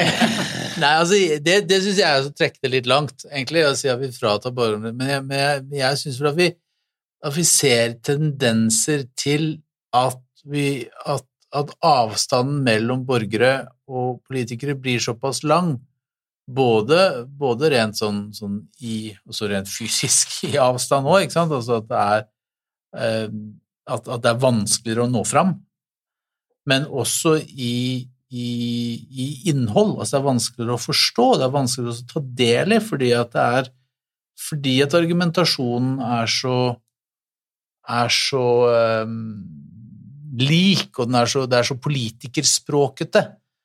Altså jeg må igjen tilbake til det eksempelet som jeg hadde i stad, eh, om, om Hurtigruta. Eh, hvor jeg følte at selv jeg som medlem av et politisk parti syns at dette var å gå over streken. Mm. Dette syns jeg er kjempeproblematisk. Her burde næringsministeren hatt åndsnærværelse nok til å si dette må vi ta gjennom de formelle kanalene. Her må dere be om et, et møte, så vi får gjort dette på en, på en, god måte. Her ble de så fleksible at det var helt åpenbart at noen hadde et forrang foran en annen. Jeg, altså Solveig på hjørnet her, hos Solveig, hadde aldri fått det til på den måten, sånn, fordi sånn funker det ikke. Eh, så jeg, jeg, jeg, vil ikke gå så langt som å si at, at vi er i ferd med å frata borgerne deres innflytelse, men, men vi er i ferd med å få en, eh, en eh, flatere og mindre tilgjengelig politisk elite. Uh, og Det syns jeg er problematisk. Så er det en annen side ved dette her som jeg kanskje syns er enda mer problematisk, og det er jo at for eksempel da i Rollag kommune, ved forrige lokalvalg, så kunne de velge mellom to partier. De kunne velge mellom Senterpartiet og Arbeiderpartiet. Det var de eneste to valgene som man lokalt hadde der til, i kommunevalget. Og det òg er, er et uttrykk for at engasjementet rundt disse viktige politiske institusjonene er i ferd med å smuldre opp. Eh, Og det er vel så problematisk. Og nå er ikke Wiel Jaren Heitmann, i, eh, som er ordfører i Rollag, hun tilhører ingen politisk elite. Hun er hardtarbeidende lokal rådgiver, eh, ordfører som gjør en super jobb i Rollag kommune. Men hun har altså ikke dette miljøet rundt seg, det finnes ikke den politiske dynamikken som man burde hatt. Så, så, er, så vi har liksom en utfordring på, både det nasjonale og det lokale nivået, og jeg er kanskje enda mer bekymra for det lokale nivået, egentlig mer enn for det nasjonale nivået. Altså. Det heter seg jo det at revolusjonen ikke vil bli overført på fjernsyn. The revolution will not be televised. Mm. Det gjelder også kontrarevolusjonen. Eh, det vi ser nå, ikke nødvendigvis Norge som en sånn foranskutt lyd i denne sammenhengen her, men mer som en etterdilter. Det vi ser, er en global finanselite. Avsløringene med Panama Papers, altså en rekke andre avsløringer, viser jo at vi har en global finanselite, som også er en politisk elite globalt sett, som styrer, eh, styrer oss, og ikke forholder seg til egne, de reglene de, de selv er med å utforme. Eh, vi har en vi har politikere, et politisk miljø som lukker seg inne i seg selv. Og alt dette her, dette, det, det, alt dette som vi snakker om, det skjer ikke som en revolusjon sånn som vi tenker på det i vår tid, ikke sant? som en sånn statskupp eller borgerkrig eller lignende, ikke sant? Men, men mer ut fra hvordan man snakket om revolusjoner på 1800-tallet. Ikke sant? Altså, Karl Marx er jo eksempel en av vår tids mest misforståtte eh, tenkere, rett og slett fordi at eh, mange av de ordene han brukte, betydde noe annet den gangen, så man må gå idéhistorisk til verks.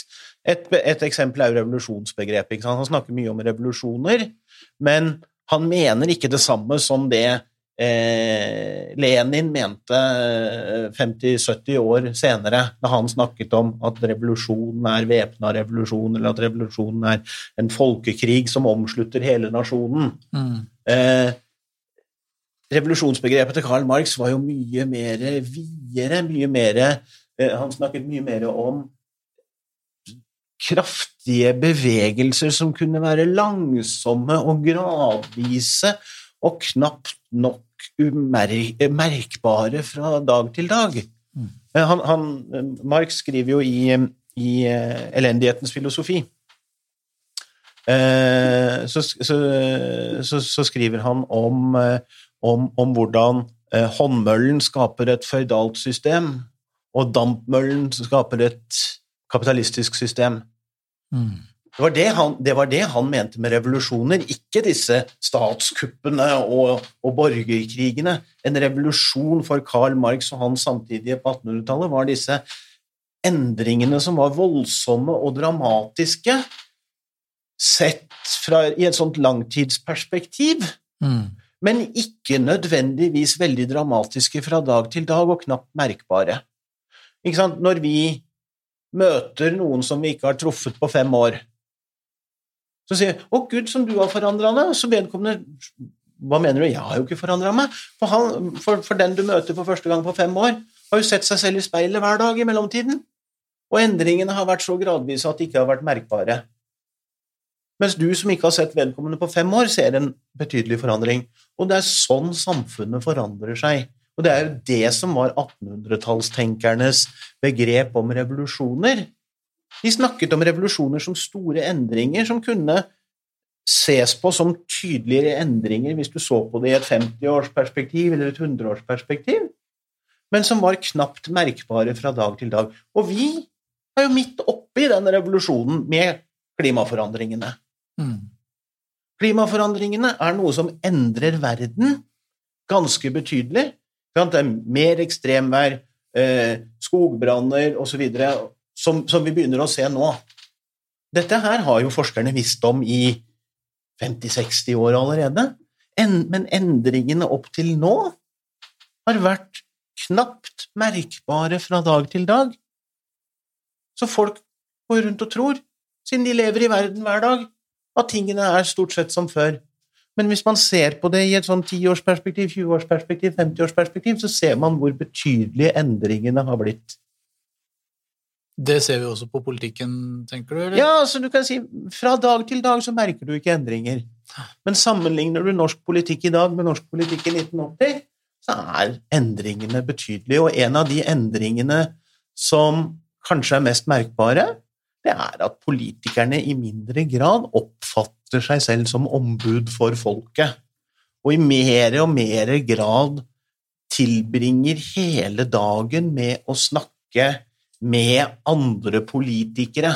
Enten de er folkevalgte, eller de er rådgivere, eller PR-folk eller journalister. De tilhører det samme miljøet. De sirkulerer i det samme miljøet, endrer roller. En journalist kan bli politiker det neste året. Eh, en PR-rådgiver kan bli journalist. En, eh, en politiker kan bli PR-rådgiver, og så politiker igjen i flere omganger. Eh, men de snakker jo til hverandre. Ja, men Arendalsuka er jo liksom den ultimate bikuben, da. Der har du politikere og journalister og lobbyister og næringslivsfolk som uh, sitter i hverandres paneler dagen lang og drikker sammen og ligger sammen, og det er uh, Jeg har aldri fått vært der, jeg, for det kollerer alltid med semesterstarten. Da har du gjort en god prioritering, tror jeg. To ganger har jeg vært der, og det er uh, Altså, du finner vel ikke noe mer enn internt arrangement. Men, Det er ikke der den politiske interessen i Norge utvikles, det vil jeg i hvert fall tørre å påstå. Mm. Men, men eh, vi må jo begynne å gå inn eh, for landing her. Men, men eh, det er jo et spørsmål vi skal, jo, vi skal jo ikke bare være problemfokuserte, og det er jo et spørsmål som liksom presser seg fram her, da. Eh, og det er ja, hva gjør vi, da? Altså, hva kan vi gjøre med dette? Jeg og Herman har diskutert litt grann dette her med, med PR-rådgivere, hvor Herman sånn delvis har tatt til orde for at her bør vi sette noen, noen, noen skikkelig strenge regler, og så si det at du kan ikke bare hoppe fra folkevalgt til, til rådgiver eh, at at det burde være ulovlig, burde i hvert fall liksom hatt fem års karantene. Jeg er litt mer sånn jeg er ikke sikker på om det å innføre yrkesforbud for noen, si at nå har du en kompetanse her, den skal du ikke få lov til å bruke, jeg er ikke sikker på om det er veien å gå heller. altså Anne Marit Bjørnflaten, som vi snakket om i stad, hun gikk jo ikke til et PR-byrå, men hun gikk til Hurtigruta. Er det noe bedre det enn at hun går til First House? Altså, men, men hva gjør vi da for at vi skal komme liksom Gitt premisset om at vi nå at dette er en utvikling som er negativ, det er ikke sikkert alle er enig at det er en negativ utvikling. Kan hende noen mener, som han som kalte inn der på teppet, at, eh, at eh, rådgiverne er viktige og nødvendige, og det bringer politikken framover. Men gitt at premisset er at dette her er bekymringsfullt, hva er da grepene vi kan ta? Er det folkeopplysning? Er det endre partifinansieringen? Er det ja, forbud mot øh, å bytte beite for ofte? Eller lange karantener? Ja, altså, det er nok delsvar alt, alt det du nevner, tror jeg. Ja. Eh, Jeg tror at PR-bransjen må reguleres på en helt annen måte enn det gjøres i dag. Eh, Og det er ikke gjort i en håndmening. Så lenge du har politikere som ser for seg en framtidig karriere i den samme bransjen. Jeg tenker vel at det viktigste man kan gjøre, er å bli litt mer sinna. Kreve mer. Hvem, hvem skal kreve mer? Vi, vi som er på grunnplanet. Enten vi er lokalpolitisk engasjert i dag, eller, eller, eh, eller blir det, eller Altså rett og slett bli litt mer sinna, Mm. tenker jeg. Altså, når vi ser noe som ikke fungerer, ikke fungerer bra, som, som, som gjør at demokratiet fjerner seg fra demos, fra folket, Mm. Eh, når vi ser at politikerne ikke gjør den jobben som vi ønsker at de skal gjøre, vel, så bli sinna. Mm. Engasjer deg. Eh, og så eh, velg ikke de, de, de politikerne som syns dette er uproblematisk, da. Men hvor går, hvor, hvor går liksom den produktive linja der, da, mellom Altså, sinne omsettes jo veldig fort i mer konspiratoriske uttrykk, og stå på Facebook og si at eh, alle politikere er korrupte, og det er en stor elite Hvor er det du finner det produktive sinnet, da? Hva er det du kan gjøre Jeg tror ikke det er gitt for alle som hører på det her, liksom Ok, hvor skal jeg være produktivt sinn? ja, altså man har jo en man, har jo et slags ansvar for å, for å eh, bidra til et bedre samfunn, da. Eh, og, og, og ja, så hvis man, hvis man, liksom, hvis man liksom skulle være i, et, i, en, i, en, situasjon hvor man kan velge, da mm. Eh, Mellom å bidra til et mer livskraftig demokrati eller å beholde makta og pengene selv Altså, så, så Altså, demokratiet skapes eller går til grunne av alle disse små beslutningene som vi gjør hver dag, alle sammen. Og om hva vi godtar, eh, og hva vi ikke godtar. Mm.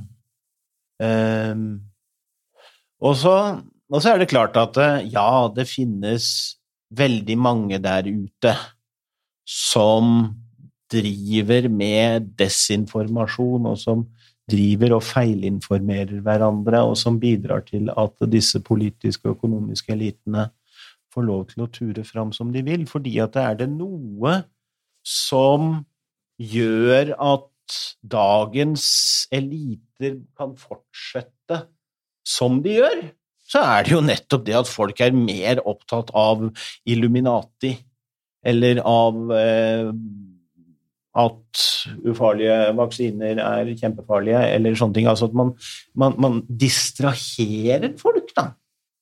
Det er jo det som skjer i vår verden i dag. Ikke sant? Folk blir aktivt distrahert. Mm. Eh, og, og, en av de tingene som kanskje har en veldig negativ effekt på, på, på demokratiet, er jo sosiale medier. Hvor man ikke har eh, noen kvalitetskriterier hvor, hvor eh, måten disse sosiale mediene fungerer på, er at man hele tida blir presentert for stadig informasjon som eh, disse algoritmene tror vil falle i god jord hos mottakeren. At man ender opp med å bare få den informasjonen som passer inn med det man trodde på på forhånd. Eh, og man ender opp med å, å, å omgås folk som er like en selv. Det gjelder jo ikke bare politikere, ikke det gjelder jo alle oss når vi lar oss styre av, av eh, de sosiale medienes uh, algoritmer. Ja, det krever en viss selvkontroll å bli bevisst på hva som skjer når du Altså, ja, der, hjelper, der, hjelper, det jo å være ekstremismeforsker da, og følge ekstreme miljøer på nettet, for da, da får jo jeg da masse sånne informasjon om, eh, om eh, alskens mulige ekstreme, ekstremister ja, ja. på nettet, så da, da, skjønner jeg jo at eh, ja. Ja, det, det, krever jo altså, Ja, for det krever jo en viss sånn Altså, når du er på YouTube og får mm. ser en video, og så får du anbefalt en ny video, mm. så skal du ha litt innsikt for å skjønne at nå får jeg denne videoen fordi den er, øh, veldig ofte i hvert fall, hakket mer radikal enn den forrige jeg så på. Og Google, YouTube prøver å finne ut om jeg er mottagelig for enda mer radikale budskap. Mm. Og at øh, den So the story goes, det har jo mange så vidt jeg har skjønt, folk som har blitt radikalisert, sagt selv i hvert fall, at de skjønte ikke før lenge etterpå at Google prøvde bevisst å se hvor ekstreme ideer kan vi dra deg ut mot? Så, så det er jo Jeg er helt enig i det. Men, men, jeg tenker jo at det mest interessante jeg sitter igjen med fra samtalen i dag, er jo de lovendringene mm. som, du, som, du, var inne på.